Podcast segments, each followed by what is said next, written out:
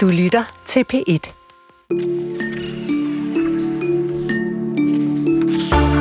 Vi ser dem hver dag i supermarkedet. Kvittering? Øh, nej. Ha' en god dag i, i lige måde. Og de står der i deres øh, corporate polyesteruniform. I modtager en, når utålmodige typer læser mandagens øvhed af på dem bag kassen i supermarkedet, eller sukker demonstrativt, når gamle fru Jacobsen igen far vild i sin gigantiske pengepung. Og jeg taler selvfølgelig om personalet, der sidder der ved kassen hver dag i det lokale supermarked og sørger for, at hylderne også bagved er fyldte. Det er normalt anonyme skæbner, men nu bliver de fremkaldt som discount-helte i en ny reality-serie lavet af, ja, jo, en tysk supermarkedskæde, og vi ser nærmere på den her nye type reality-kampagne-reklameserie, eller hvad vi nu skal kalde det, om 30 minutter. Og så drejer vi globussen sammen med en dansk etnolog, som har fulgt i sporene på fire sexarbejdere fra Thailand, Benin og Nigeria. Det har hun nu skrevet en bog om, hvor hun væver deres skæbner sammen med sin egen, og det gør hun altså for at vise, hvordan skilsmisser, dødsfald og pengeproblemer har ført til har helt forskellige konsekvenser, alt efter hvor i verden du er født. Mød hende om cirka 45 minutter. Du lytter til Kulturen, og i studiet er Jesper Dein og Chris Pedersen. Ah, du troede lige derude, at du skulle slippe for at høre om Aula og forældreintra. Fordi nu var du på arbejde, men det slipper du ikke for, for vi skal tale om folkeskolens kommunikationsplatform Aula. I september, der udsendte regeringens, skulle jeg til at sige, Rigsarkivet en bekendtgørelse om, at alle beskeder og filer sendt på Aula og ja, den interaktion, vi har med vores lærere, børn og skole, skulle bevares for eftertiden. I dag kan man læse, at Rigsarkivet har genovervejet, hvilke dele af Aula, der skal bevares, og de har besluttet sig for, at chatbeskeder, det de kalder den uformelle kommunikation, ikke vil blive en del af den her arkivering alligevel. Men det kan altså blive et problem for fremtidens historikere, og velkommen til dig. Ningdi Koning Schmidt, historieprofessor ved Danmarks Institut for Pædagogik og Uddannelse ved Aarhus Universitet. Tak. Tak fordi jeg må være med. Selvfølgelig. Mm. Hvorfor er den her uformelle kommunikation i form af chatbeskeder så fantastisk for en historiker som dig? Jamen det er det jo, fordi at normalt historie, når man nu arbejder med børn i historien, så møder man kun de børn, der er kommet i klemme på den ene eller den anden måde, ikke? fordi de kom på børnehjem, eller de kom i fængsel, eller altså et eller andet. Men de almindelige børn, dem møder vi jo aldrig, fordi hverdagen, den går jo bare sin gang. Og her har vi jo så om 100 år, vi taler jo ikke om, at vi skal kigge på det lige i morgen, men om 100 år, så er alting glemt. Og så vil vi have meget få papirarkivalier øh, tilbage. Og det vil sige, hvis vi skal nærme os, hvordan familien Danmark har haft det med deres børn og børns skole og med hinanden, og hvad ved jeg, i 2024 eller 23, så er Aula simpelthen et fantastisk øh, redskab. Mm. Ning... Altså den, u- den uformelle del af Aula. Lige mm. præcis. Og Ninge Rigsarkivet skældner mellem formel og uformel kommunikation. Hvilke forskelle gør det for jer som historikere, I sidder med formel kommunikation, som for eksempel mødereferater, og så de her chatbeskeder? Jamen, altså det er jo klart, at man kan jo altid slutte fra et mødereferat. Hvis der nu i mødereferatet står, at vi har nu igen problemer med lus, så kan man nok have regnet ud, at der er problemer med lus, hvis du forstår, hvad jeg mener. Så ja. det er jo ikke, fordi mødereferaterne ikke dur. Men det er fordi, at de her mere uformelle reaktioner er jo fantastiske. Altså til at finde ud af, hvad, hvad tænkte børn, var, eller forældre var vigtigt for deres børn. Hvad var det for nogle problemer, der opstod børnene imellem? Og, og det er simpelthen fordi, at, at både forældre og børnestemmer, de er meget fraværende i barndommens og skole skolens historie. Ja, jeg kommer også personligt til at tænke på, jeg har jo været, vi har været indfight både øh, lærerne på min børns skole og øh, forældre øh, om forskellige pædagogiske principper, og det misser man vel, når man ikke gemmer det her til eftertiden, ja. der har været diskussioner ja, om, hvor meget man. skal vi give karakterer, hvad må ja. man, hvad skal vi? Det er jo sådan noget, det forsvinder, ikke? Jo, det er jo det, og vi mester jo faktisk også noget lærerstemmer. Altså fordi vi vil jo kun få den formelle lærerstemme. Vi vil jo ikke få, hvordan lærerne fortolker det ombud, de har med at være lærer, være klasselærer, selvom man ikke er klasselærer. Men du forstår, hvad jeg mener. Ja, altså, vi, vi, vi, vi, vi mister jo også lærernes stemmer, når den uformelle del af det øh, ikke bliver bevaret. Og vi mister vel også, øh, ja, man kan man sige, et billede på, hvordan vi som forældre reagerer over for lærerne. Ja. Hvad er det for en respekt, vi har? Altså i Finland siger man, der har de utrolig meget respekt for folkeskolen. Mm. Herhjemme tror mm. jeg not so much. Der snakker man mere direkte til lærerne på en på nogle gange ja, meget disrespektfuld måde. På, ikke? Er, jeg ved godt, hvad du mener. Danmark, men det, altså, det, det mister vi også. Forskel. Ja, ja, ja, men altså det, jeg kan ikke være mere enig. Det gør vi. Øh, og selvfølgelig, altså det er jo ikke verdens undergang, men det er da klart, at mine næste generation historikere, de vil da få nogle, nogle udfordringer, fordi vi i dag kan jo trods alt støtte os lidt til papiret. Øh, det bliver svært øh, fremover, hvor alt er digitalt. Hvis man så kigger ind i, fremtiden, det her digitalisering, datasikkerhed, hvad for nogle problemer kan det skabe for fremtidens historikere? Ja, men altså det er jo, altså det her Aula er jo, det er rigtig, rigtig godt, at diskussionen er kommet op, fordi vi bliver nødt til at forholde os til det. Jamen altså, det, det kan jo gøre, at der pludselig er ingenting. Altså, historikere kan jo ikke skrive på ingenting, trods alt. Altså godt nok har jeg en udviklet fantasi, men der er jo grænser for, hvor, hvor langt den rækker. Ikke? Så altså, man kan sagtens forestille sig en situation, hvor de, ligesom vi faktisk også har det med det historiske materiale, vi har i dag, at de børn, der vil komme til at stå frem, eller blive synlige i historien om 100 år, det vil være de børn, der er kommet ind under forsorgen på den ene eller den anden måde, børn, der er kommet på ungdomspension, fordi de har lavet et eller andet dumt. Du ved, at den type af sager er jo bevaret i nogen udstrækning. De, der har været i PP, ind under børnes, hvad hedder det, skolepsykologsystemet og sådan noget der. Men de almindelige børn, og det er det, jeg synes er så ærgerligt, og især også det almindelige forældre. Fordi altså, vi hører rigtig meget om forældrefælden, og forældrene de er ved at gå under, bukke under for Aula. Jamen så lad os da få at vide, tænker jeg, hvis jeg stod 100 år frem i tiden, hvad var det egentlig, mm. de bukkede under for? Lige præcis. Hvad var det for nogle ambitioner? Hvad var det for nogle forestillinger, de gjorde sig om den gode skole og den gode, det gode barn, børneliv? Ning, bliv lige hængende øh, på linjen, fordi mm. vi har fået kulturministeren ombord, Jakob Engelsmidt. Velkommen til dig, Jakob. Tak for det. Der var du. Jamen, øh, hvorfor tænker du, at det er godt, at vi ikke gemmer de her uformelle chatbeskeder?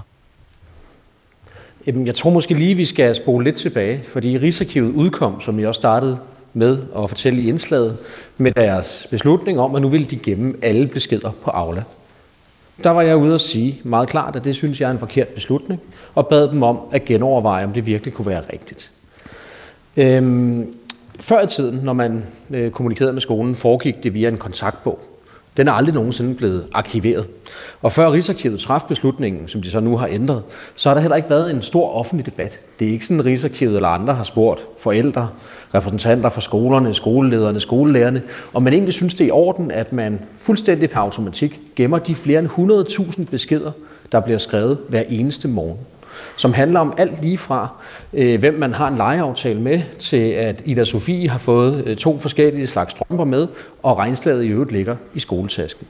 Jeg synes, øh, det her udtryk for, at man har glemt at tage stilling til, om hvorvidt man skal gemme alt, bare fordi man kan. Og når Ning så siger, at man i fremtiden får svært ved at vurdere samtalen mellem forældre, børn og skole, så svarer det jo til at sige, at fordi man ikke gemmer mine sms'er, skrevet mellem mig og min forlovede, så har man svært ved at vurdere det gennemsnitlige danske parforhold. Jeg mener, der er noget, der hører til privatlivets fred, der ikke kommer hverken historien eller offentligheden ved. Og det gør kommunikationen mellem forældre og andre forældre på et statsligt intranet faktisk ikke. Mm. Det tilhører privatlivets fred, og det er uinteressant om, altså synes jeg, øh, hvorvidt der har været en lejeaftale øh, aftalt på øh, Aula, eller om den har været aftalt et andet sted. Derfor savner jeg, at vi har en gennemgribende samfundsdebat om, bør vi gemme alting, bare fordi vi kan? Hvad er vores etiske overvejelser i den forbindelse? Og bør vi ikke også respektere de 6 millioner menneskers ret til privatliv, der trods alt lever her i landet? Men Jacob, de elementer, synes jeg ikke har været dokumenteret eller belyst i den samtale, I lige har haft, hvor jeg udmærket forstår Nings hensyn til at kunne dokumentere effekter af historisk værdi, vægter højst. Mm. Der er jeg bare som landets kulturminister nødt til at stå på borgernes side og sige, retten til egen information retten til privatliv, retten til ikke at få gemt alt det, man skriver med skolen, med mindre at det er en officiel karakter, vægter for mig tungere. Men Jacob Engelsmidt, så kunne jeg jo sige som forælder, jeg ved udmærket godt, at i det øjeblik, jeg kravler ind på Aula og skriver en alle gruppe i 3. A, så er den jo ikke privat længere, så er den jo faktisk offentlig. Så er det jo en diskussion af pædagogiske principper og et billede på de diskussioner, vi har lige nu, som jeg da godt egentlig kan forstå Nings pointe om, at den er da meget fed at have, når vi to skriver historie om 100 år. Jamen, det er der også et belæg for, og derfor har mit forslag til Rigsarkivet været, det har de så ikke valgt at gå videre med, at man kunne som forældre sige, ja, Rigsarkivet må arkivere den øh, information og kommunikation, jeg har med skolen på Aula, eller nej, Rigsarkivet må ikke gemme det. Det har man så fra, fra Rigsarkivets side vurderet, at det var ikke teknisk opnåeligt lige nu, eller det har været øh, uinteressant, og derfor har man gået videre med en model, hvor alt det formelle, der fint dokumenterer, hvordan man håndterer tilblivelsen af skoledagen, de pædagogiske udfordringer, sundhedsmæssige tiltag, fritidsmæssige tiltag i rammen af skolen, til forældrene, alt sammen bliver gemt. Med den dialog, du og jeg måtte have om vores fælles børn i 3. B, og den kommende lejeaftale nede på det lokale anlæg, øh, det bliver så ikke gemt. Nej, det synes jeg er den rigtige. det er måske heller ikke så interessant, det er rigtigt. Nej, men så hører jeg så også sige, at altså, virkelig, altså, den uformelle kommunikation, den, den kommer simpelthen ikke til at blive gemt for eftertiden. Nej, det gør den ikke. Øhm, og det er jeg sådan set glad for, at vi nåede frem til, fordi var der ikke nogen, der havde råbt vagt i gevær, øh, hvilket jeg så påtog mig, så øh, var det her jo bare fortsat. Og så kunne man jo så gå videre og sige, jamen er det så også naturligt, at alt øh, dialog mellem unge mennesker på en erhvervsskole, en ungdomsuddannelse og universitetet, også dialog af personlig karakter, arkiveres uden vi har taget stilling til det. Og det er det skred, det samfundsmæssige skred, beskyttelsen af den enkelte borgers privatliv, jeg er interesseret i, at vi har en debat omkring, før vi bare arkiverer alt, blot fordi vi kan. Jakob Engel Schmidt tilbage til arbejde. Tak fordi du var med. Det var en fornøjelse, som det altid er. Kan I have en dejlig eftermiddag? Og i lige måde. Kulturministeren var det her, og øh, på den anden linje har vi stadigvæk Ningde Koning Schmidt, historieprofessor ved Danmarks Institut for Pædagogik og Uddannelse på Aarhus Universitet. Ning, du har siddet og lyttet, og måske også hoppet lidt i sædet. Hvad tænker du om det her? Jamen, jeg synes jo for det første, det er dejligt med debatten. Altså, men jeg synes måske, det er lidt præmatur. Hvis det er så vigtigt med debatten, så skulle vi måske tage den først, inden vi beslutter, om Aula, at de uformelle dele af Aula skal forsvinde eller ej. Altså, det må jeg alle indrømme. Øhm, den anden del af det, jeg selvfølgelig har med det, det er, at at jeg føler mig jo en lille smule sådan stødt på manchetterne som professionel historiker. Altså, det er som om, at man forestiller sig, at jeg vil gå ind, og så finder jeg dine børn, og så smækker jeg det op på forsiden af Facebook, et eller andet. Altså, det er jo, det er jo slet ikke sådan, at historikere arbejder. Altså, historikere går jo ind og leder efter mønstre, og det går jo ikke ret lang tid før, at man fuldt børnenes navne, eller børnene som væsener, hvis man kan sige det sådan, er forsvundet til fordel for en, en, en afsøgning af, kunne der være nogle mønstre i den måde, for eksempel at børn har problemer med at gå i skole i dag, altså det er for eksempel sådan noget ufrivillig skoleværing. Altså, hvornår er det, de der ting opstår? Øhm, altså, der er mange ting, man kunne forestille sig, man kunne gå ind og kigge efter, og der vil det enkelte barn som sådan jo ikke være særlig interessant, eller den enkelte forældre. Og nu sagde... øhm, det vil muligvis være interessant. Ja, måske, ja. Nu sagde Jacob Engel Schmidt i sin udtalelse her, at, hvad hedder det, at vi jo ikke har kontaktbøger fra, altså historiske kontaktbøger. Er det overhovedet sandt? Nej, det er også rigtig ærgerligt. Ja, det er jo, det er jo et stort problem. Altså det, altså, det er jo et stort problem, at arkiverne er så, så skævt, arkiverne er jo produkter af tid og sted. Øhm, og nu har vi altså en anden situation, meget, øh, rigtig meget er digitalt, og der opstår så nogle nye udfordringer, men også nogle nye ønsker og nogle forestillinger om, at vi kan gøre noget andet fremover, end, end vi har kunnet med det historiske materiale. Det kan jeg jo sige på baggrund af, at vi lavede den store dansk skolehistorie, hvor vi jo ledte med lys og lygte efter børnestemmer, og det var sørme ikke særlig let, eller forældres stemmer for den sags skyld. Øh, så, så nu har vi nogle muligheder. Jeg kunne bare godt have ønsket mig, tror jeg, når jeg hører øh, ministeren, så vil jeg ønske, at vi tog debatten, inden at vi træffer beslutningen. Øhm, og det, det, det havde jo været efter min mening en mere, mere, mere reel måde at gøre det på, og også havde benyttet lejligheden til at undersøge, hvad er det så historikere gør. Fordi her taler vi jo om 75 år. Ikke bare det. Vi taler også om, at efter de 75 år kan der være nogle yderligere klausuler i retning af, at materialet skal anonymiseres, så man ikke kan genkende, hvem det nu kunne være, der kunne blive genkendt. Øhm, så, så altså, det, er jo ikke, det er jo ikke sådan, at enhver Pierre Paul kan bare gå ind. Jo, man kan gå ind og få adgang til sit eget, det der vedrører en selv. Ligesom med Arne-pensionen har man også kunne gå ind på Rigsarkivet og få oplysning om, hvor man har været ansat osv. Men, men, men jeg ville jo ikke sådan bare lige kunne hoppe ind, og medmindre jeg havde fået tilladelse til det. Og hvis jeg fik tilladelse til det, så skulle det jo selvfølgelig anonymiseres, hvis det var yngre end, altså hvis ikke der var gået 75 år. Og formentlig kunne man jo lægge en anonymisering ind også efter 75 år. Det åbner lovgivningen jo mulighed for for. Så jeg synes, der er sådan nogle, ja, der er sådan nogle lidt misforståelser, hvis jeg må tillade mig at kalde det det, omkring hvad historikere laver. Øh, og, øh, og, og ja, Ja, måske virkelig også et, et, altså et startspor til, eller et startskud til en, en samtale omkring sådan de, altså det de, de digitale efterladenskaber, vi har. Tak til dig, Ning de Koning Schmidt, historieprofessor ved Danmarks Institut for Pædagogik og Uddannelse på Aarhus Universitet. Selv tak. Vi skal til politikken. Nu bliver der sat et midlertidigt punktum i sagen om Jan Gravups reportager for politikken, for i øh, fredags kom der en rapport frem, udarbejdet af journalist John Hansen for politikken. Her er det blevet undersøgt, øh, eller Jan Gravups reportage blev undersøgt fra folkemordet i Rwanda i 1994 og senest krigen i Ukraine. Og rapporten konkluderer, at Jan Krav i flere tilfælde er kommet med urigtige oplysninger i forbindelse med sit arbejde for politikken. Det gælder blandt andet et essay af Jan Graup omhandlende hans tilstedeværelse under folkemordet i Rwanda i 1994. Og her forklarer han blandt andet, at han var i Rwanda i en, eller to til tre uger, hvor John Hansen mener, at der ikke er dokumentation for, at han har været der i mere end to dage. Undersøgelsen har altså beskrevet en række fejl og mangler i Graups dækning, der nu så er blevet præsenteret. Men hvad så nu? Hvad vil politikken konkret gøre fremadrettet i deres arbejde med fotojournalistik? I studiet har vi nu politikens fotochef Peter Hove Olsen. Goddag. Først og fremmest et, altså et hurtigt et overblik. Hvad er essensen af den her rapport? Jamen, essensen er jo, at vi har fået slået fast, at der er nogle fejl og nogle mangler, som du lige har sagt. Øh, nogle grove fejl og nogle grove mangler i øh, det, som Jan Graup har bidraget med hos os. Øh, det har vi rettet, øh, og chefredaktionen har beklaget øh, de ting, der er sket. Vi, senest i, i avisen forleden, hvor vi over 12 sider skrev øh, om John Hansens, eller John, John Hansens fulde rapport mm. blev lagt frem. Og Peter, så hvad skal der så ske fremadrettet? Hvad, hvad, hvad, hvad, hvad for tiltag skal der til nu for fotografer på politikken? Jamen helt overordnet set, så er det jo at, at genskabe tilliden til, at man skal kunne stole på det, der står i politikken, herunder billederne. Øhm, det er nok også vigtigt at understrege, at det, det er jo ikke sådan, fordi at fotografer er en eller anden speciel race, der prøver på at, at snyde og bedrage. Altså det... Øhm, er bestemt ikke mit indtryk, men, men det er vigtigt for os, at man kan stole på det her. Og det er vigtigt for os, at vi, vi tager ved lære af det og, og finder ud af, hvordan vi kan undgå sådan nogle øh, situationer her i fremtiden. Og i rapportens konklusion, der står der blandt andet, og jeg starter citat, derfor har vi udarbejdet et sæt retnings, ekstra retningslinjer for redaktøransvar og redigering i forbindelse med faktatjek, som uddyber nogle af de kontrolmekanismer, der kan benyttes i redigeringsprocessen for at sikre både skrivende fotografer og politikken i processen med at udkomme. Konkret kan dette for eksempel være at få telefonnummer og navne på fixere, at få bilag, rejsedokumenter eller kvitteringer til gennemsyn. Øhm, gjorde man ikke det i forvejen?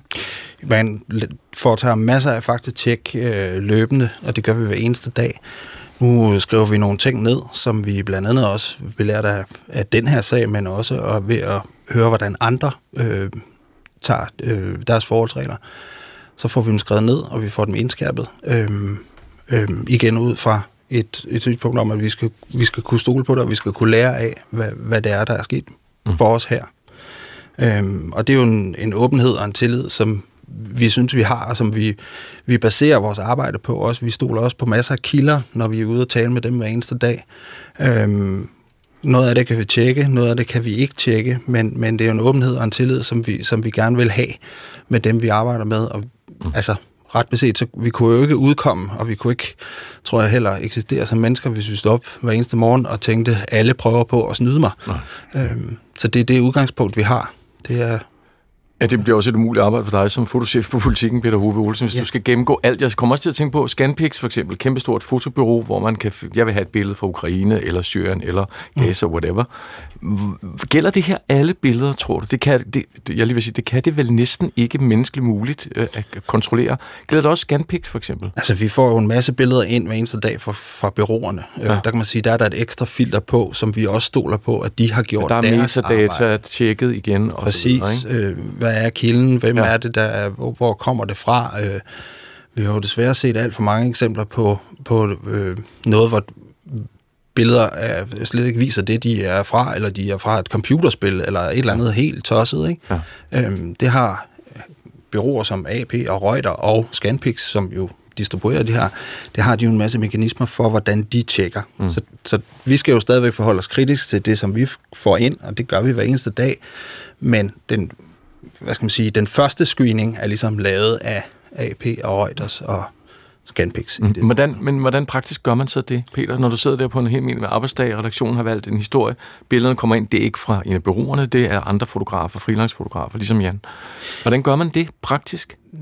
Ja, men altså, Taler vi om bureauer, eller taler Nej, nu taler vi om, om fotografer, som du, som du har hyret til en opgave, altså freelance-fotograf ja. for eksempel. Så kommer der billeder ind, ind, du får en masse kontaktkopier, du skal vælge. Hvordan delen gør man det rent praktisk? Du har en dag 4-5 timer til at tjekke det, ja. inden der skal i trykken. Altså som udgangspunkt, så prøver vi jo at arbejde sammen med nogen, som vi kender, og som vi har arbejdet sammen med før, og som ved, hvad vores etiske retningslinjer er. Men, men i det her tilfælde, altså at vide, hvad vores etiske retningslinjer er, det er jo en del af vores grundlov. Altså det er, øh, du har været det sted, du har været, øh, der er de mennesker, der er, øh, konteksten er rigtig, øh, du s- fortæller kun noget, som selv er blevet, hvis du selv har oplevet det. Mm. Altså, øh, det er jo meget, meget svært Ja. ja. at, at, at tjekke for os. I hvert fald et stort arbejde. Et meget stort arbejde. Ja, meget tillidsarbejde. Altså, meget af den her samtale, meget af den her sådan, øh, debat har jo handlet om, om Graups øh, altså fortællinger og hans essays, men billederne, kan man nogensinde bruge hans billeder igen? Eller hænger de fuldstændig uløset sammen, fortællingen og, og billederne? Altså, øh, billederne og konteksten kan ikke skilles ad.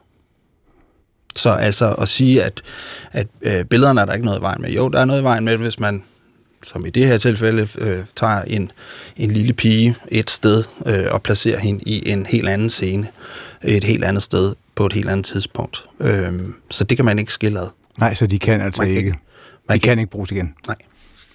Peter Ove Olsen, fotochef på Politikken, var det her. Vi hørte ved siden af Peter, der står øh, Sisse Strøger, formand øh, i Pressefotografforbundet. Hej Sisse. Hej. Jeg skal lige åbne for din mikrofon her. Hvad, øh, når du hører det, Peter siger, hvad tænker du så Jamen, om hans overvejelser? jeg synes, det er nogle gode overvejelser. Det er nogle, vi selv har talt om i Pressefotografforbundet også, at sige, at vi håber, at, at øh, ikke bare politikken, men, men også alle andre medier har taget ved lære den her sag, fordi den er ganske alvorlig, og, og, og øh, det her med faktatjek, altså, det, det, er- det er sindssygt vigtigt, også i en travl hverdag. Specielt fra fotografer, der ikke er i huset, eller journalister for den sags skyld, der ikke er i huset. Men man skal kunne regne, læser skal kunne regne med det, de hører og ser og læser. Mm. Og hvis den troværdighed, den ryger, så har vi ikke mere at sælge ud. Altså, så, så har vi solgt ud af, af, det, vi står for. Så det er øh, exceptionelt vigtigt. Og Øh, og, og, ja. altså, jeg håber, det har givet, altså, givet stof til eftertanke igen hele vejen rundt omkring, hvordan undgår vi i alle, hele vejen rundt i medielandskabet, at det her det gentager sig. Og Sisse, nu bliver det så afsluttet med den her rapport. Hvad tænker du om, om, om konklusionerne på rapporten? Jamen, øh, i forhold til, at Ja, i forhold til, til pressefotografens arbejde. jeg synes, det er en rigtig god idé at, at skærpe fokus på faktatjek. Altså den, den konklusion var jeg voldsomt glad for. Mm. Øh, og jeg håber igen, at det ikke kun er hos politikken, man, man tager det til efterretning, men det også er sådan et sted som her i huset, eller hos alle andre, der arbejder med, med historier og medier og fotojournalistiske fortællinger. Det er sindssygt vigtigt, at der ikke kommer flere af de her sager. Nu hører jeg så Peter Hove fortælle, at der bliver, der bliver kontrolleret, de holder øh, mere øje med øh, metadata osv. Ja. Hvad tænker du om, om, om, om den måde at, at skulle arbejde på i Jamen, den er nødvendig. Ja. Øh, og i, i selv, specielt lige nu, hvor der er alt det her AI, der vælter ind over os. Og igen, hvad kan vi regne med? Det er meget, meget, meget vigtigt, at, mm. at det, der kommer fra os af, eller fra aviserne, mediehusene, at det er noget, man kan regne med. Så jeg vil sige, at det er, det er, der er lige præcis momentum for nu at tage den her snak også med AI hatten på. Men det lyder også virkelig nedtursagtigt mistroisk, at man skal gå sådan her til værk. Ja, det kan det næsten gør det. blive for meget. Ikke? Jamen, det er hvis det også. Hver eneste gang et billede kommer forbi Petersborg, så skal han åh, ringe op, og er, du, er det lille Louise, der er på billedet? Er det nu i den her? Altså, jeg mener, hold da op, ikke? Ja, det hold bliver da op. virkelig et irriterende miljø. Jamen, det, er, det bliver det. Men har vi været for bløjet over for fotografers arbejde? Nej, det synes jeg ikke. Det er jo heller ikke så tit, vi hører om de her sager. Øh, Det er meget sjældent, vi hører om både, hvad, altså at generelt passer både journalister og fotografer jo deres arbejde under helt normalt, stille og rolige forhold, og kan godt finde ud af at overholde de regler, der er. Og så er der nogle få, der ikke kan, og det er dem, vi hører om, og det er dem, vi lærer af. Ja. Kommer den her sag til at have nogen betydning for, for politikens ry i forhold til fotografernes arbejde? Det gør det nok et lille stykke tid, og så øh, tænker jeg, at det, det retter sig op. Men Ja. hvis man Mm. mm. tilføjer, altså Altid. det der med, om man så skal tjekke og gentjekke hver eneste billede. Øh, bare en kuriositet, i sidste uge øh, skulle jeg finde øh, nogle billeder, som var taget i, i, i den uge, der var taget, og der, fra mandag til onsdag, der var der øh, fotograferet 1178 billeder i vores system. Altså, ja. Så det er jo ikke på den måde, at vi sådan skal opstille en hel masse vejsidebomber for afspærringer, og nu skal vi også og, og tjekke alting minutiøst. Men vi har muligheden for det, og mm. det tror jeg er vigtigt, og jeg tror, det er vigtigt, at vi tager det alvorligt. Mm. Jeg tænker på, i forhold til den her sag, tror du så, det, det spreder ringevand? Nu kigger jeg over dig, Sisse. Ja. Øhm, Sisse Strøg, som jo er altså formand for Presseforbundet, springer, spreder, sige, spreder det her ringe i vandet, så vi ud over politikken kommer til at se det her andre steder, tror du? Det er ikke til at vide, Nej. om vi gør det. Vi har jo haft nogle sager, øh, ikke bare med fotografer, men også med journalister, nogle ganske få sager, som man har kendskab til i hvert fald, og som har haft stor bevågenhed i hvert fald i branchen. Ja, fokus på det ja. lige nu. Ja. Øhm, om der kommer flere, det håber jeg ikke. Ingen kan udelukke det. Mm. Har du kontakt til andre, hvad hedder fotochefer rundt omkring i landet? Ja, vi taler jævnligt sammen, så, men øh, om vi har talt lige om, om det her, det nej, ikke specielt, men, men, men apropos ringe i vandet, altså jeg kan se det allerede nu, jeg tror, jeg har fået modtaget Øh, jeg har modtaget mange forskellige fotografiske pitches, øh, hvor folk, der prøver på at sælge os et eller andet, øh, i hvert fald to siden det her startede i, i sommer, øh, har øh, af egen drift øh, skrevet til mig, øh, jeg har arbejdet sammen med den og den organisation, det her er min tolk, han er lige ved at undersøge øh, navnene, at jeg har stavet navnene rigtigt og sådan noget uden henvisning øre til, hvad oh, vi stod i, men, men at man griber i egen barm og siger, prøv at høre, det her skal være i orden, og, og, og jeg undersøger det selv. Så der skaber en grundighed og en ny arbejdsmetode i virkeligheden? Det ja, håber jeg også. Wow. Den her øh, sag inde hos jer i, i Pressefotografforbundet, giver det, hvad gør I i forhold til det fremtidige arbejde med pressefotografer? Er det noget, I tager med jer? Altså, Jamen, stof til eftertanke? Ja, jeg tror, at, at En del alle af uddannelse, for eksempel. Nu snakker vi meget om, at vi skal lære at dekode billeder i folkeskolen, vi skal lære at læse og få sandheder. Du sagde selv AI, kunstig intelligens, hvad mm. skal vi stole på? Er det noget, der kommer til at blive presset ind i pressefotografuddannelserne rundt omkring? Fotografuddannelser? Det er jo svært at vide, fordi jeg er jo ikke en del af, af de uddannelser. Nej. Men jeg ved jo, at... Men kunne du håbe på det så? Jeg kan da absolut håbe på det, og jeg, jeg synes egentlig også, at altså, jeg blev uddannet i 2010, mm og allerede dengang skulle man, når man afleverede en hovedopgave, eller en BA, som det hedder i dag, aflevere en kildeliste, komplet kildeliste med alle, man havde talt med, øh, steder, man havde undersøgt ting, hvor man havde været. Så det har jo ligget helt fra altså langt tilbage, også i, i skolens uddannelse, journalisthøjskolens uddannelse, at der er kildelister, der er tjeklister, der skal være sensorer og lærere, der kan tjekke op på, at du har lavet dit arbejde godt nok, mm. og det er det, du går til eksamen på. Så allerede der, altså det har jo været sådan i mange år, vi er jo alle sammen blevet skolet med, at tingene skal være i orden og at man skal kunne henvise tilbage, hvis der er tvivl. Så, så den grundighed har jo egentlig været på skolen ret længe. Den bliver nok skærpet lidt, kunne jeg forestille mig, også i forhold til al den teknologi, der nu gør, at man kan bygge sit eget billede ud fra tekst. Ja. Øhm, og det bliver svært svært at skille, hvad der er rigtigt og forkert. Mm. Øhm, hvad der er fotograferet et fotografi, og hvad der er et bygget fotografi. Ja. ja det er jo en helt, et helt andet interview, som du, Peter, sidder med hver eneste dag for at finde ud af, hvad der er op og ned ja. i de der nye billeder. Præcis. Nå, den tager vi på et andet tidspunkt. Mm-hmm. Det var Peter Hove, Olesen, fotochef for politikken i studiet, og ved siden af Peter, der stod så Sisse Strøger, formand for Pressefotografforbundet. Tak fordi I kom begge to. Ja, tak.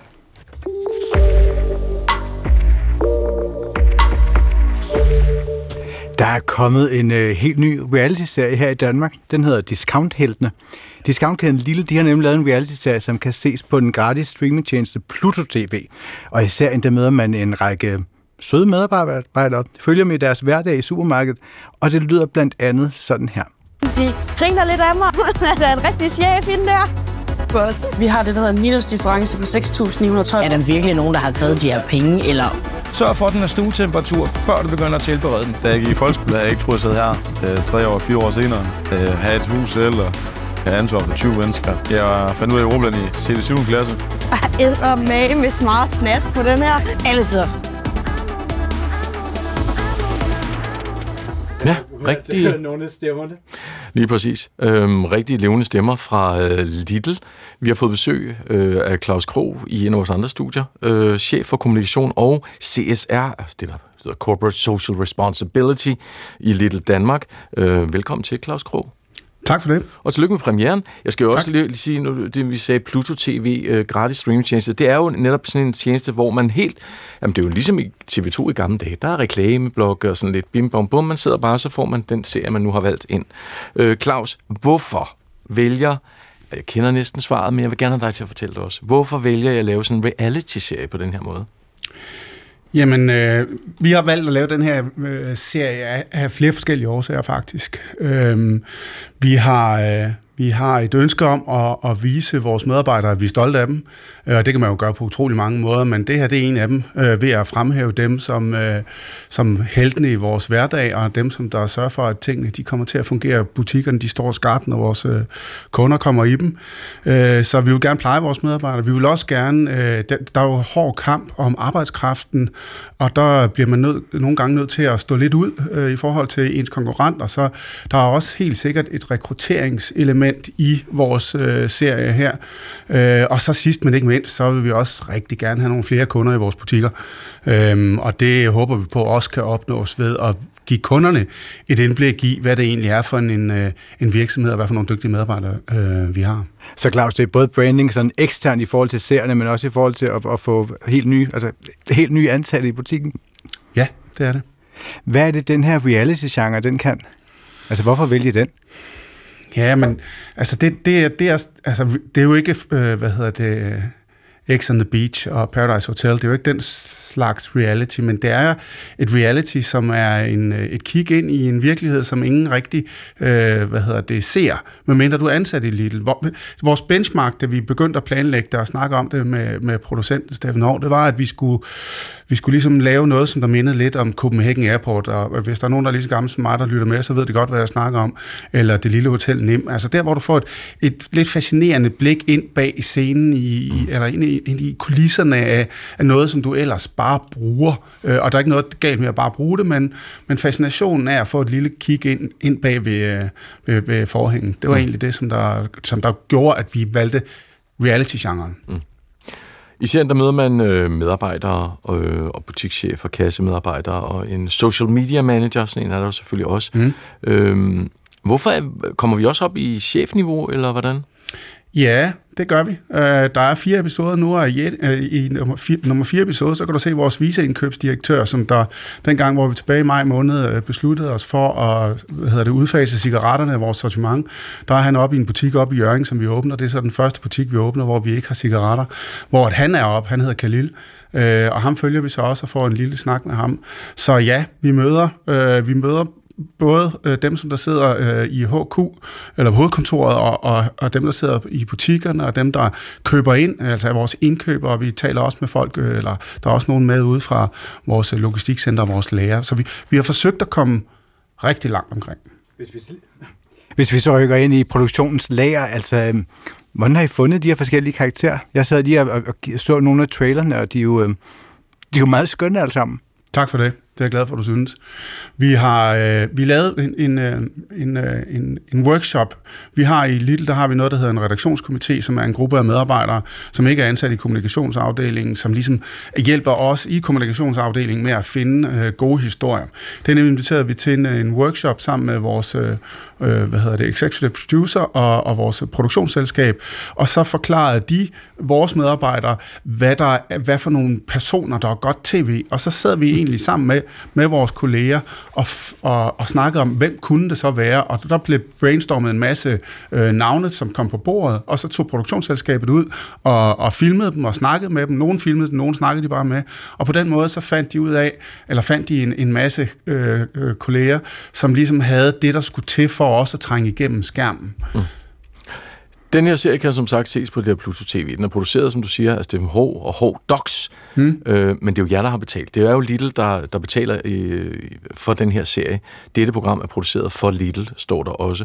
Så jeg tænker, altså, der er jo vel også en agenda, en klar agenda fra jeres side. Det er jo ikke sådan, at de bare har fået frie, kreative øh, øh, grænser for, for det her. Øh, der, I har vel også en, en, en mening med det her? Ja, men de har nok fået mere, flere øh, kreative friheder, end I egentlig forestiller jer, fordi da vi øh, startede med at snakke med dem omkring det her, der, øh, der, der som, som, som den type af virksomhed, vi er, så vil vi gerne have styr på tingene. Øh, men vi fandt også hurtigt ud af i, i dialogen med Hård Docs, at, øh, at hvis vi satte os alt for hårdt på det her, hvis vi forsøgte at kontrollere narrativerne og, og, og alle de her øh, gode historier, så bliver det ikke troværdigt tv. Så, øh, så vi trak os, om man så må sige. Vi, vi, vi, vi hjalp med, med at finde kollegerne, men så tog de ud i butikkerne og på lageret med deres filmhold og kameraer og filmede det, der var. Og så så vi det faktisk først, da de, da de ligesom havde lavet de første episoder, så så vi det.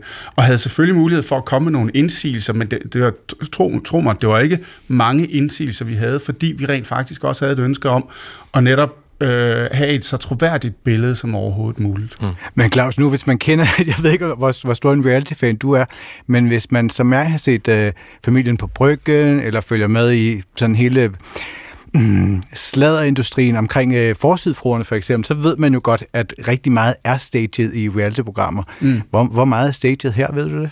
Øh, nej, jeg, jeg ved det ikke, men selvfølgelig er der noget, fordi man skal også kunne, det er jo også, der skal laves noget godt tv, så der skal ligesom være en spændingskurve, så der så, så er der nogle ting, men, men i, i bund og grund, så, så det der skete, det var, at øh, filmfolkene, eller filmcrewet, øh, de tog ud og mødtes med de her, øh, hvad hedder det, medarbejdere, og, og, og filmede og fandt historier, og så opstår der nogle ting ude i momenterne, som de måske har arbejdet lidt mere for at få, få det til at blive godt tv, og de har måske også fundet nogle, øh, nogle medarbejdere, mens de har været ude at filme, som vi ikke lige havde identificeret på forhånd. Så det har været sådan en dynamisk proces. Mm. Så, så noget, noget, som svaret på de spørgsmål, det er, at noget af det er i scenesat, men meget af det, det er også bare øh, virkelighed. Men hvordan må du gerne have, at jeg skal se det her? Fordi nu sidder jeg som sagt på den reklamefinansierede Pluto TV, mm. og jeg har lige fået ordentligt stok reklamer og alt muligt, og jeres konkurrenter også osv. Så, videre. så kommer du, blum, så toner du det frem, discount-heltene.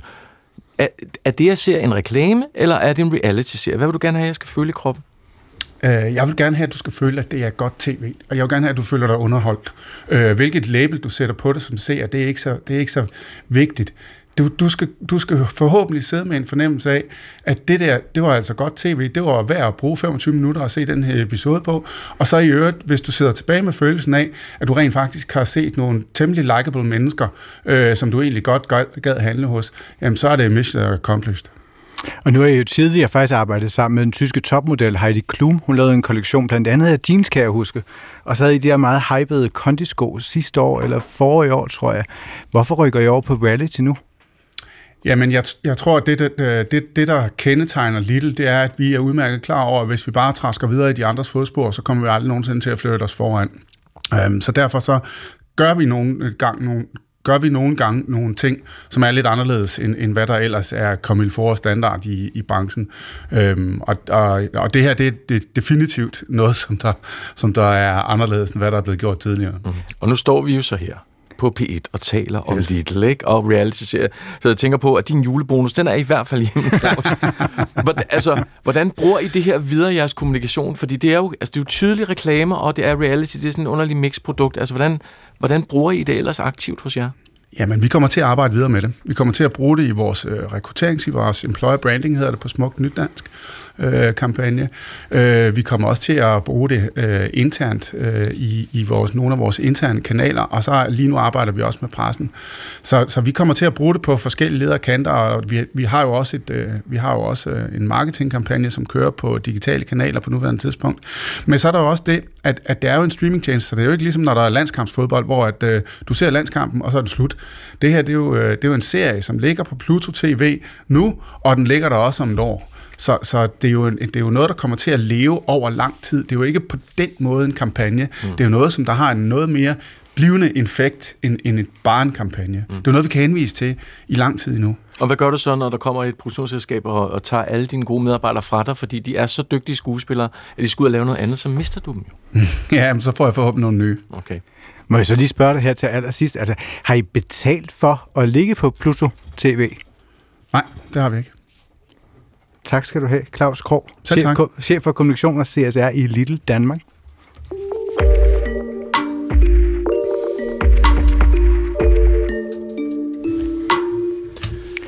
Hvad ved sexarbejdere om kærlighed og om kapitalisme? Det spørger etnologen Signe Plambæk om i bogen Global Sex, der udkommer nu på fredag. Og i bogen der møder vi blandt andet Vivian og følger hende fra hendes rejse fra Benin til Sicilien, og Lum og Somai, som begge kommer ud fra landet Thailand, og som rejser til Pattaya, hvor de er sexarbejdere, og hvor Lum eller ender i Dubai, og Somai i Thy. Og så nigerianske Becky, som vi vender tilbage til lige om et øjeblik. Signe Plambæk, hun væver de her ret intime erfaringer og skæbner sammen i sit eget liv, og nu står hun her hos os. Hej Signe. Hej. I begyndelsen af bogen, der nævner du det citat, vi skal lede efter politik usandsynlige steder af Charles Pio. Hvad betyder det citat for dit arbejde med Global Sexbogen? Jamen, det betyder, at vi skal øh, se andre steder, end vi plejer at se hen. Vi plejer at se efter krig og konflikt øh, og andre store geopolitiske ting, og det er også rigtig vigtigt at kigge den retning. Men øh, jeg synes også, det er, ret, ja, det er vigtigt at se en retning, som er anderledes, og der, hvor jeg kigger hen, det er, hvor sexarbejdet tager os hen, hvor sex som vare på den globale markedsplads tager os hen. Og det kan man sige er et usandsynligt sted. Det er som regel et sted, hvor folk ikke kigger hen. Så jeg bruger ligesom sex og sexarbejdet som en prisme på at se på globale øh, forandringer. Øh, på en lidt, et lidt usandsynligt sted leder jeg efter øh, verdens gang. Og, og hvordan kan sexarbejde fortælle det? Okay. Jamen det er jo fordi, at øh, i mit arbejde har jeg fulgt øh, sexarbejdere de sidste 20 år, og noget af det, som har været særligt tydeligt, har været den her måde, som de vandrer i kapitalismens fodspor, eller måske mere præcist, i mænd, der vandrer i kapitalismens fodspor. Så hvor de startede øh, i turistområder i Thailand for eksempel, øh, så rejser de nu videre til Dubai, som jo er et af kapitalismens øh, knudepunkter. Øh, så det er et af de steder, hvor jeg ligesom siger, hvor der er penge, øh, kommer der sex. Og hvis man følger, og det har sexarbejdere næse for, det er også derfor, jeg siger, at de ved noget om kapitalisme. Mm. Fordi de ved, hvor der er, man kan tjene penge henne. Øh, så det er en af grundene til, at jeg, at jeg siger, at det er et lidt usandsynligt sted at kigge efter, hvor kapitalismen er på vej hen. Lad os høre ord fra bogen, fordi nu skal vi lige høre og møde en af de kvinder, som du fortæller om i bogen. Det er Becky, som øh, du giver en dagbog, hvor hun så kan skrive om oplevelserne. Øhm, og vi tænkte, det ville da være rart at høre lidt øh, fra bogen her og fortælle. Vil du ikke lige starte med at fortælle, hvem hun er, og så læse op øh, fra, fra det sted, I har aftalt? Jo, Øhm, nu har vi så godt nok faktisk ikke lige aftalt Nå, et sted, okay. så jeg, jeg finder gerne øhm, lige Bare det her et sted. eller andet sted. Bare et eller andet sted. Som giver lidt krop på det her. Som giver lidt krog på det her. Øhm, ja, nu skal jeg lige prøve at finde det her. Altså, jeg kan jo også bare fortælle historien. Ja, fortæl. Ja, fortæl Nej, ved du hvad? Nu har jeg, jeg kan se, der er en her, der har foldet et lille æseløre, så jeg kan se, hvor det er, jeg skal, øh, er blevet bedt om at læse op. Øhm, men du startede med at spørge mig om noget omkring lad os, få noget, lad os lige få begge præsenteret, før du læser op. Ja, altså Becky mødte jeg i Nigeria øh, for en del år siden, øh, fordi jeg var på feltarbejde der og møde en del af de, øh, fordi vi har mange nigerianske kvinder i Danmark og på Istergade, der sælger sex. Så jeg var rejst derned for mm. at møde nogle af de kvinder, der er blevet sendt tilbage, og hvordan deres erfaring har været med at sælge sex i Europa. Og der møder jeg så, øh, der møder jeg så Becky, øh, som jeg får et meget nært forhold til, øh, og følger i en del år efter det. Øh, og nu kan jeg så lige øh, sige, at introen her er, at jeg uddeler nogle øh, dagbøger til nogle af kvinderne, og, øh, og her er så det, som, øh, som hun har skrevet i sin dagbog. Det er ligesom for at få deres egen historie. Hun skriver, This is Becky's story, står der øverst i Beckys bog, hvor hun skriver om sit andet forsøg på at komme til Europa. Jeg tog til Libyen, fordi Nigerias økonomi er så dårlig. Jeg rejste over land, som er den farligste rute. Men jeg havde ikke andre muligheder. Jeg tog til Libyen over ørkenen, og min mor vidste ikke, at jeg rejste. Vi tog bussen fra Benin City til Kano, fra Kano til Castina, og derfra tog vi en motorcykel for at krydse grænsen mellem Nigeria og Niger. Min første dag i Sahara-ørken var sjov. Vi var faktisk glade for at forlade Nigeria. Sådan havde jeg det jo i begyndelsen. Klokken 6 om aftenen stoppede chaufføren lastbilen og sagde, at vi skulle lave mad. Vi gik i gang, men allerede klokken 18.30 sagde han, afsted, I skal afsted igen. Vi måtte tage afsted igen, og maden var ikke færdig. Vi måtte spise den rå. På den anden dag rejste vi stadig. Vi tog bad klokken 4 om morgenen, fordi vejret var så varmt, og fordi der er sygdomme i ørkenen.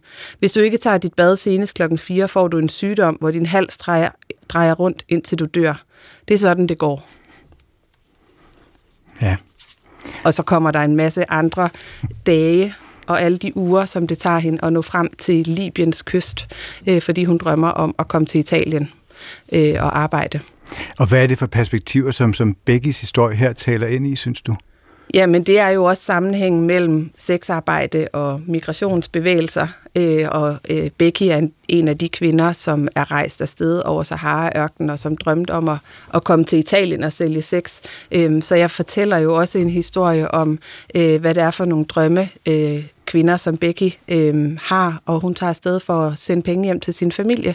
Og, og på en måde også giver et lidt andet billede af et, øh, som I kan høre fra det, jeg læste op, altså at hun tager også nogle valg omkring, hvad det er, hun håber på i sit liv, og hun har nogle forestillinger om, at at der i hvert fald er nogle drømme, der vil gå i opfyldelse, når, når hun kommer til, øh, til Europa. Nu skal jeg ikke fortælle, hvordan det hele ender, Nej. men Becky er, er en af dem, som, øh, øh, som vi også får en lidt mere brutal afslutning på i bogen. Okay. Du, øh, det nævnte vi i begyndelsen, du væver din egen fortælling sammen med de her fire kvinder. Prøv at fortælle, hvordan du gør det. Jamen noget af det, jeg kunne se, da jeg begyndte at åbne mine notesbøger over de sidste 20 år, var den måde, som jeg både har skrevet deres historie, men som mit eget liv også var flettet ind. Som mor og som kvinde. Øh, jeg har fire børn, som forsker og som antropolog, så jeg har ligesom levet sidelæns med dem.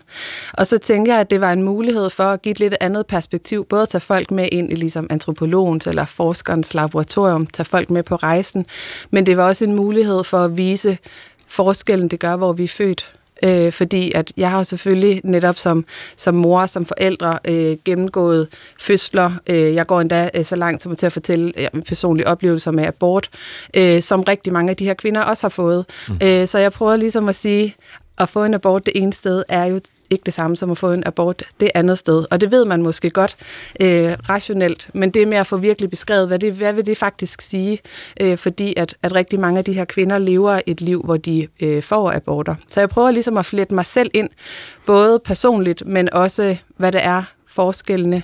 Øh, der er et sted i bogen, hvor jeg skriver, verdenshistorien løber bliver ved med at løbe smertefuldt imellem os. Og det handler jo om, at jeg er født med et hvidt, øh, en hvid hud og velfærdspas og velfærds Danmark og alle de gode ting, som vores land tilbyder. Øh, og det ved vi jo godt, at der er rigtig mange andre lande, der ikke er tilbudt med, eller øh, har mulighed for at tilbyde. Men det der med at vise præcis, hvad, hvad det indebærer for de her kvinder, og at det er det, der leder i sidste øh, i sidste ende med, at de må komme og sælge sex for eksempel i Europa. Så det er det der med kontrasterne, så forstår vi det bedre. Hvad har det lært dig så som, øh, som cis-kvinde, privilegeret cis-kvinde, som du jo er? Ja. Hvad har det lært dig i det her møde med de her? At de er så 100 gange meget klogere end mig på rigtig mange ting, og ved øh, rigtig meget om kærlighed og kapitalisme, og i det hele taget ved rigtig meget mange ting, som vi aldrig spørger dem om, øh, fordi de tit bliver betragtet som nogen, der ikke ved særlig meget om særlig mange ting, og bare står der på gaden og er nogle, øh, nogle mennesker, der ikke bliver taget særlig alvorligt. Øh, så det der med at bruge så meget tid, så mange år, mm. men hjem til besøge deres mor, besøge deres far, besøge dem øh, lige efter de har født deres børn, besøge dem på gaden og på de massageklinikker, hvor de arbejder, øh, og, og, og virkelig være med, øh, har lært mig, hvor meget de ved om, hvad der foregår. Ja, så vil jeg jo så spørge, hvad, hvad, fordi det er jo så undertitlen, hvad de ved om kærlighed og kapitalisme. Ja. Hvad har du lært i forhold til, hvad de ved om kærligheden? at de er vilde, øh, de er villige til en vanvittig op, i forhold, opoffrelse i forhold til deres øh, familie og deres børn på en helt anden måde, end, end vi tit er. Så når jeg taler om kærlighed, så er der måske nogen, der vil læse undertitlen, og så vil de tænke, nå, det handler om kunderne eller deres partner, men det er ikke den kærlighed, som jeg hentyder til. Det er ligesom den kærlighed, øh, som, de er, som de har til deres børn og deres forældre, og den villighed, de, er, de har til at rejse afsted i verden øh, og, sende, og sende penge hjem til dem. Så det er ligesom en lille, hvad kan man sige, polemisk brug af ordet kærlighed, ja. øh, og så den næse, de har for, hvor der er penge øh, at tjene, selvom at det har store omkostninger for dem. Hvad så med kapitalismen?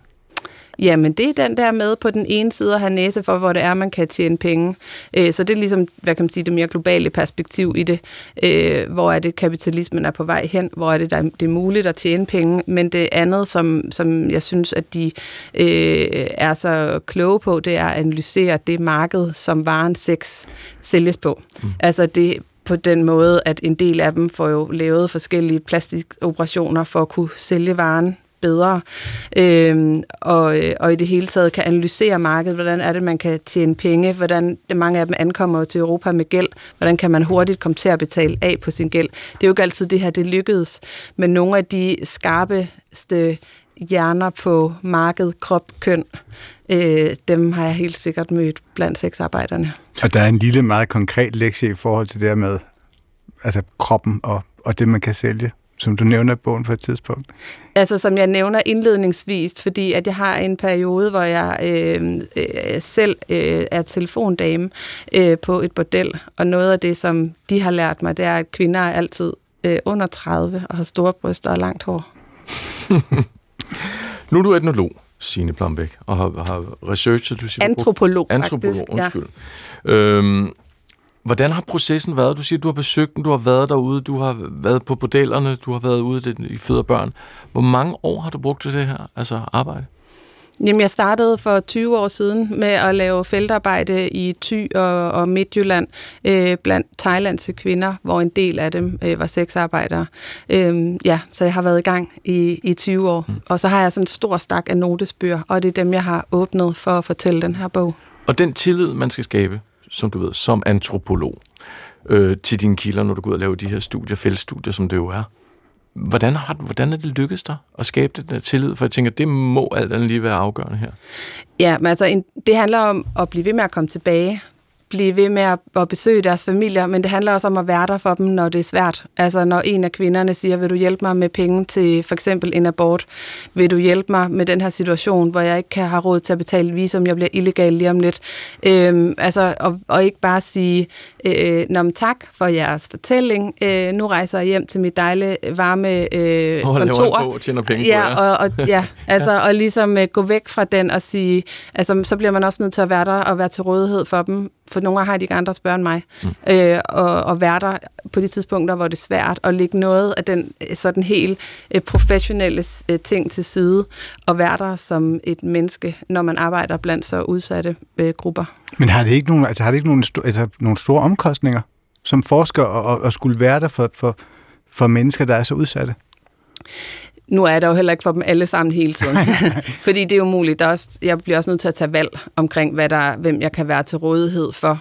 Øhm, og der er, altså, der er også et kapitel i bogen, der handler om at føle det pres og det stress, øh, som der er ved, at der er så mange, der har øh, udfordringer hele tiden. Øh, men altså, mit liv er, min forskning er en del af mit liv. Det har det været de sidste 20 år. Jeg har haft mine børn med på feltarbejde. Jeg har været gravid på feltarbejde. Øh, det er ligesom det, som, som jeg brænder for. Jeg prøver at passe så godt, som jeg nu kan øh, på mig selv. Og det er jo for eksempel ved at have et, et job, hvor man kan trække sig tilbage. Det kan de her kvinder jo aldrig. De skal altid være der. Det er, det er mig, der kan flyve væk, hvis det hele bliver for meget. Det kan de jo ikke. Og nu er det jo sådan en meget øh, nøgtern bog om et emne, som tit bliver behandlet enten sådan meget øh, næsten sådan glamoriseret nogle gange, eller meget sådan tragisk. Hvad er det for en balance, du har forsøgt at, for, at holde i, i den måde, du har skrevet den på? Jamen, jeg har virkelig prøvet at gøre mig umage med at beskrive det så meget, som jeg overhovedet kan fra kvindernes perspektiv. Øh, og så bliver det faktisk ret sådan, hvad kan man sige, nøgternt. Altså, fordi de er så øh, tit pragmatiske omkring deres livsvalg. Øh, så jeg har prøvet at skære alt det her væk med, øh, hvor sørgeligt og trist og tragisk det er, for det tror jeg, man tydeligt kan se ved at læse fortællingerne. Øh, men jeg har også prøvet at lade være med at heroisere det, fordi det er nogle kvinder, der har nogle virkelig vanskelige liv. Så jeg håber, at folk vil læse den og se, at det er en fortælling om fire øh, af de nogle, nogle af de stærkeste kvinder, øh, men samtidig nogle af de mest øh, udsatte kvinder. At man kan være begge dele på samme tid, øh, og at det, det, vi skal lytte til deres øh, fortællinger. Tak skal du have. Signe Plambæk og din bog Global Sex, den udkommer på fredag på hans Rejtels forlag.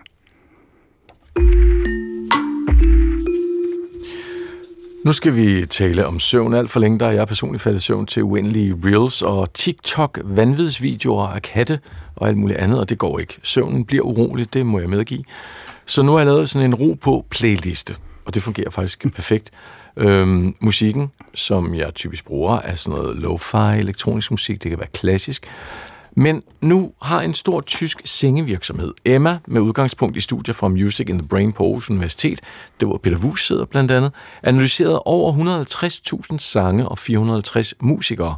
Og de har set på, hvad er det for sange, der er gode og falde i søvn til, og konklusionen er klar. Det er ikke klassisk, der vinder som mest. Og der kalder de det så søvndysende sang, beroligende, kunne man også sige. Det kunne være Billie Eilish, kunne det være, kunne det være Harry Styles, men det er amerikanske Lana Del Rey, der indtager førstepladsen som den bedste sanger og sang at falde i søvn til.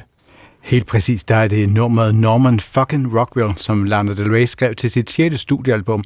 Og det er en sang om et kærlighedsforhold til en umoden mand, som ikke tager ansvar og tror, han er en fandenskarl.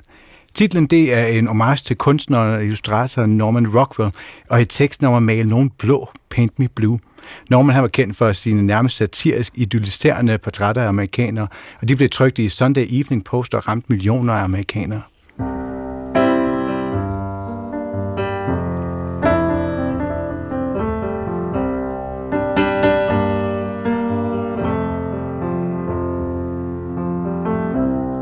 Goddamn man child.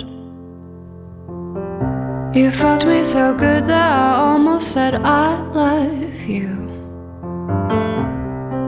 You're fun and you're wild. But you don't know the half of the shit that you put me through. Your poetry's bad and you blame the news. But I can't change that and I can't change your mood. Cause you're just a man,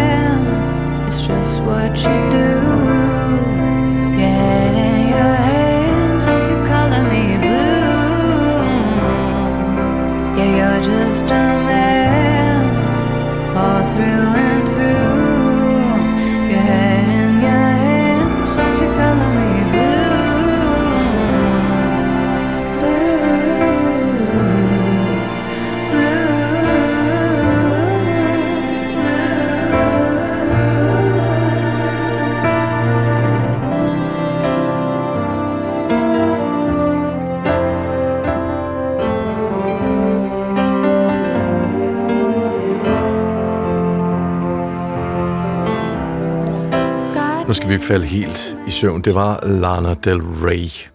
Reklame. Der er soul med Karen Rosenberg på P8. Det er jo programmet, der er fyldt med soulmusik. Helt tilbage fra 50'erne og frem til i dag. En genre, hvor at man må skrige, råbe, stønne. Man må gøre, hvad man har lyst til, bare man krænger sin sjæl ud. Det sker over hele verden. Solen, det er en bølge, som ikke er til at stoppe. Få sjælen med søndag kl. 14 på B8 i DR Lyd.